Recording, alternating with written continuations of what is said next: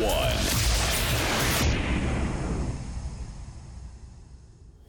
And now, here's your host, Hej och välkomna till ännu ett avsnitt av Gelassistans podcast.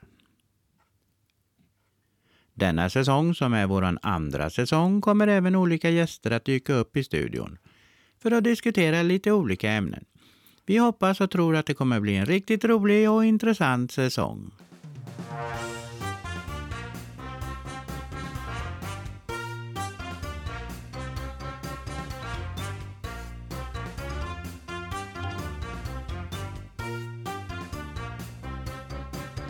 Det där var våran tävlingsjingel. Vi har fått en del frågor om vi inte skulle kunna ha lite ringa in tävlingar så att säga. Men vi har ju en, vi ligger ju inte ute och sänder live utan vi kör ju inspelade avsnitt.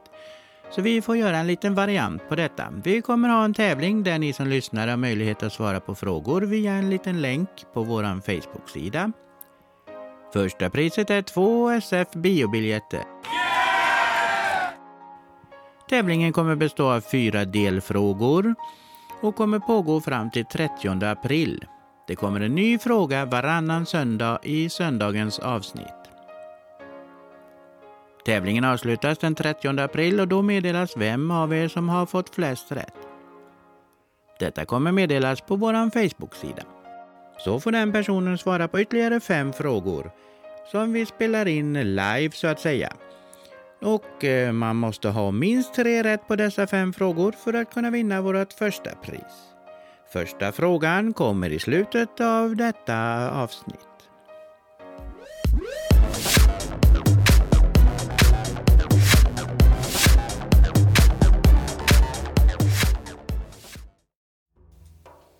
I detta avsnitt ska vi ta upp lite om vikingarnas mat, men även om hur det kunde vara att vara kvinna på vikingatiden. Vikingarna var tokiga i fisk. Fisk, i synnerhet sill, stod ofta på menyn när vikingarna satte sig till bords. Många av livsmedlen var de samma som idag. Hästkött räknades som en delikatess som bara serverades vid särskilda tillfällen. Gröt av korn, havre och andra sädesslag var mycket vanliga bland de fattiga och sötades ofta med äpplen eller bär. Vikingarna hade inget socker. Brittiska källor beskriver för övrigt vikingarna som riktiga matvrak. Även om vi mest känner vikingarna som ett sjöfarande folk så var merparten av befolkningen i Norden under vikingatiden först och främst bönder.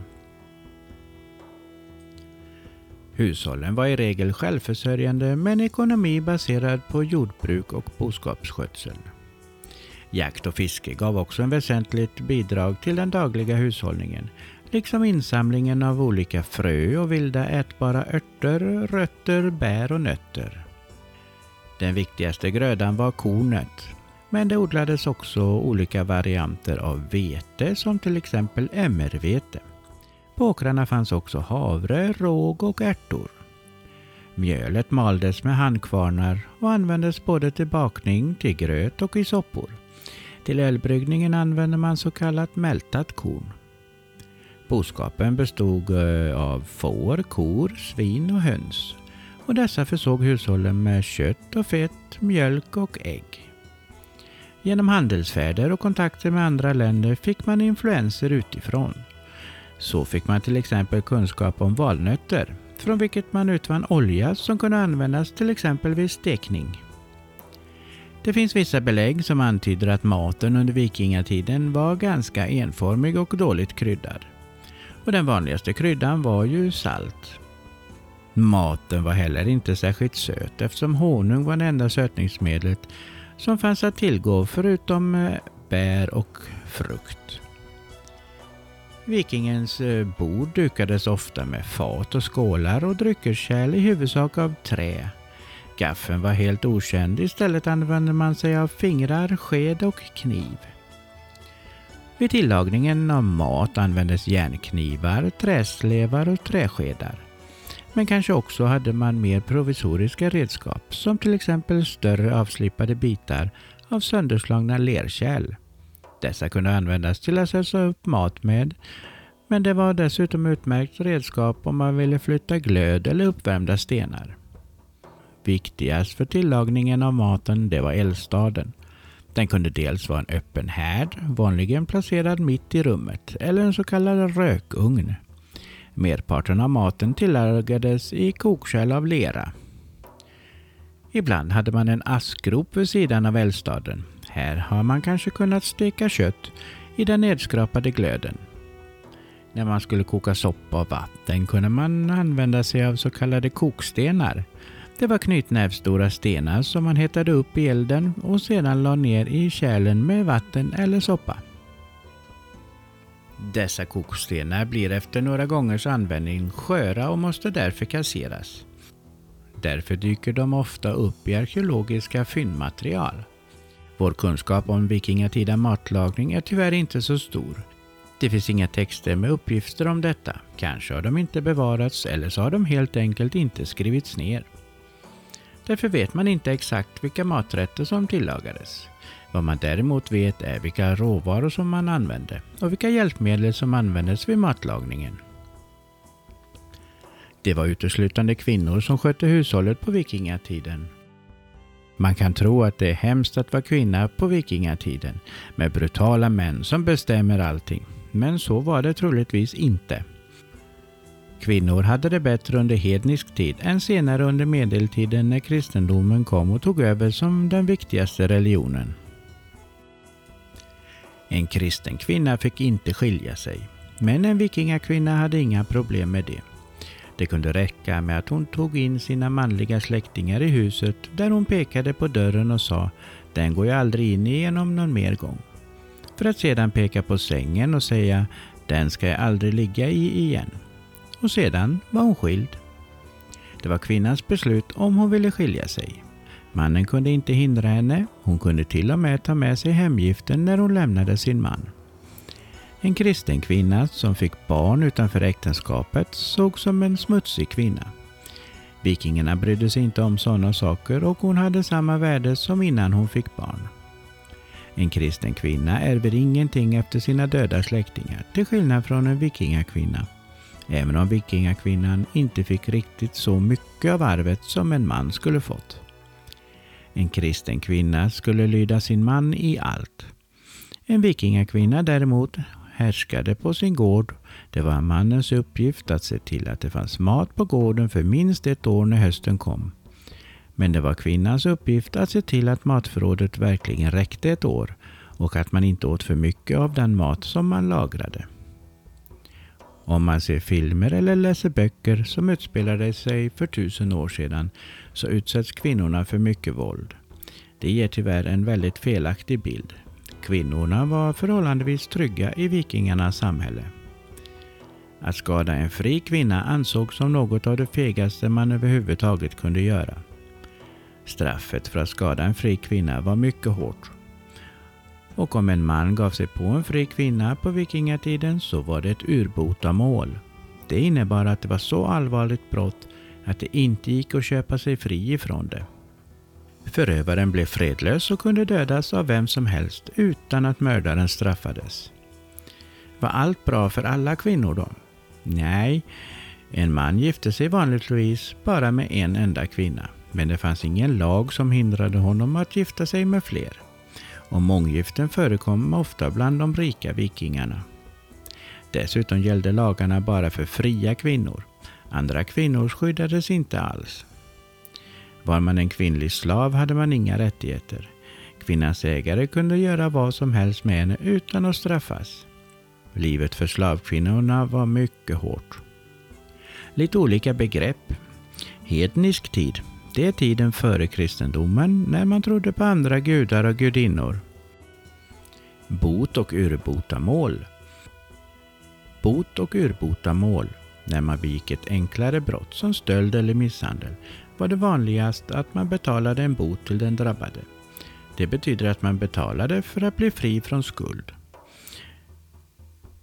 Det är från det som ordet böter kommer. Men allvarliga brott gick inte att betala sig fri ifrån. De var urbotamål. Till dem hörde till exempel våldtäkt eller misshandel av en fri kvinna eller mord på en fri man. Utifrån de isländska sagorna och arkeologiska fynd vet vi ungefär vad de unga vikingakvinnorna behövde veta om det kommande livet. Hur skulle man välja rätt bröllopsdag? När det gäller bröllopet bör det hållas en sommardag så att även långväga gäster och familjemedlemmar kan vara med på festen. Som bröllopsdag så är det endast fredagar som kan vara aktuella. Det är ju kärleksgudinnan Frejas dag och hon kommer skänka det nygifta paret många barn.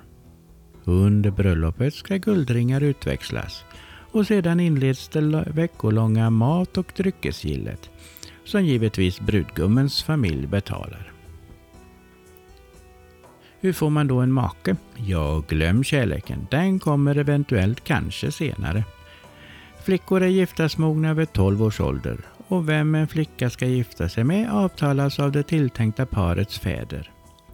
Initiativet tas alltid av brudgummens far som håller ett öga på de giftasmogna flickornas skönhet och familjeförmögenheter. Det är kutym att den blivande makens familj betalar för bruden. Finns det flera friare så trissas priset upp. En brud förväntas dock alltid föra med sig en hemgift. Graviditeten är den farligaste tiden för en vikingakvinna. Före förlossningen är det lämpligt att prata med de andra kvinnorna i byn för att vara redo för den smärta som väntar. Det är helt naturligt att de äldre kvinnorna hjälper till under förlossningen och att mannen får vänta utanför. Efter förlossningen kontrollerar han att barnet är friskt och välskapt. Om så är fallet så läggs det vid moderns bröst. Annars så kastas den nyfödde i havet. Barn älskar att åka skidor, fäktas och segla med små båtar. Genom att leka skaffar de sig färdigheter som de har glädje av som vuxna. Och om familjen ska överleva i karga trakter så är det viktigt att alla hjälps åt. Samtidigt är det vanligt att pojkar redan vid femårsåldern skickas bort till andra familjer för att knyta släktband, medan flickorna bor hemma till sin bröllopsdag. Ute i Europa badar vikingamännen varje lördag och anses vara riktiga modelejon. Kvinnorna ska inte vara sämre utan bör lägga vikt vid att hålla sig vackra. Håret ska vara långt så att det kan sättas upp i konstfärdiga frisyrer eller flätas med färgade band. Tyget till hängselklänningen kan vara i regnbågen bifrost alla färger, men det vanligaste är att tyget är rött eller blått. Om mannen är rik kan kvinnan visa det genom att väva in glänsande guldtrådar i klänningstyget. Eller bära en sjal av päls eller importerat siden. En viking sminkar sig gärna kring ögonen, vilket väcker uppmärksamhet i Europa. När de bär smink försvinner inte deras skönhet. Tvärtom blir både män och kvinnor vackrare. Smycken och armband kan gärna bäras av kvinnorna men örhängen det går inte an. Då påminner det för mycket om trälar. För att slippa ruttnande stolpar och täta reparationer så utvecklade vikingarna en ny revolutionerande byggteknik. Ett långhus var ofta bostad och stall i samma. Det var bara de rika som hade råd med en separat byggnad för djuren. I början av vikingatiden uppfördes husen på bärande pålar som var nedgrävda i marken. Det visade sig dock att pålarna mörknade alldeles för snabbt och att reparera dem var både krångligt och tidsödande. Lösningen blev att placera pålarna på en grund av sten så att de inte kom i kontakt med den fuktiga jorden. Husen kunde byggas av lera med tak av grästorv eller väggar av trä och spåntak beroende på vilket byggmaterial som var tillgängligt i trakten. En viking var sannolikt inte trogen. Vikingarnas oskrivna lagar ger mannen rätt att ta älskarinnor och till och med låta dem bo under samma tak. Det är bara att acceptera dessa kvinnor. Deras barn har dessutom rätt att ärva mannen det gäller dock inte barn till trälkvinnor som mannen går till sängs med. Deras barn växer upp som trälar. En viking lever ett hårt och farofyllt liv och risken för en vikingakvinna att bli änka är överhängande. Om detta sker ärver barnen mannens egendom, men det betyder inte att hustrun står på bar backe. Om kvinnan ärvt pengar från släkten får hon behålla dem, liksom den hemgift som hon förde med sig in i äktenskapet.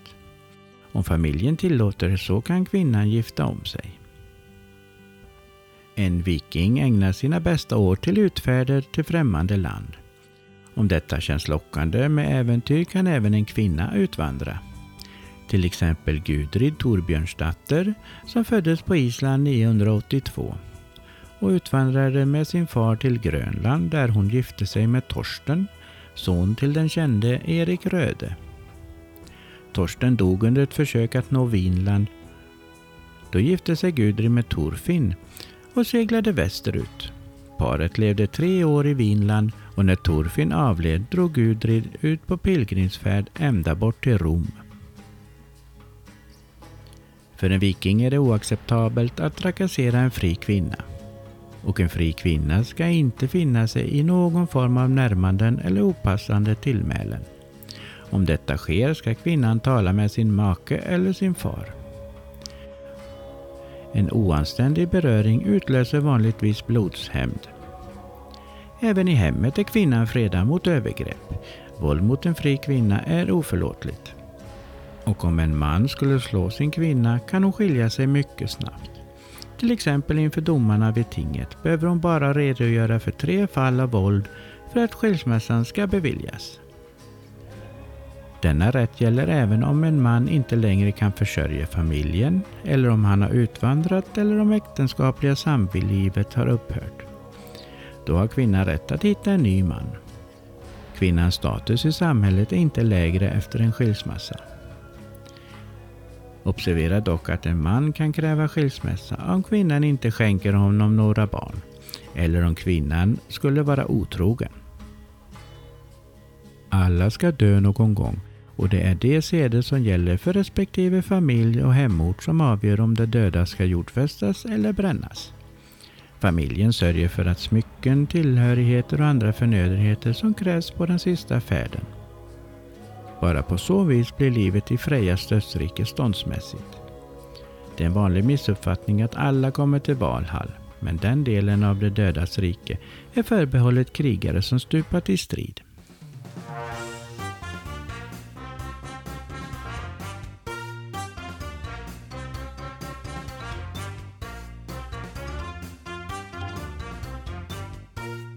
Då var det dags för första delfrågan i våran tävling. Under 80-talet sålde Pripps fyra läskedrycker under apotekarens flagg. Smakerna var följande. Apelsin, fruktsoda, grapefrukt och passionsfrukt. Men vad hette läskedryckerna? Du hittar en länk på vår Facebook-sida som går till ett litet formulär där du kan fylla i dina svar. Där finns även en utslagsfråga som du sedan kan skicka in till oss. Så lycka till!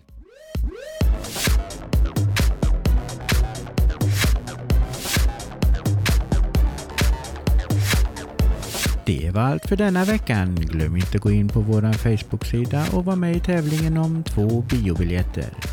Vi finns på Facebook, Gel Assistans Podcast. Där går det också bra att skicka meddelande via meddelandeknappen. Du hittar oss även på Instagram, Twitter och på Skype. Och lyssnar på podden gör du på Spotify eller på dina vanliga ställen där du brukar hitta dina poddar. Vi finns där poddar finns. If you've enjoyed this episode, share it with your friends. Keep listening to our weekly episodes to find out more. Download episodes of previous shows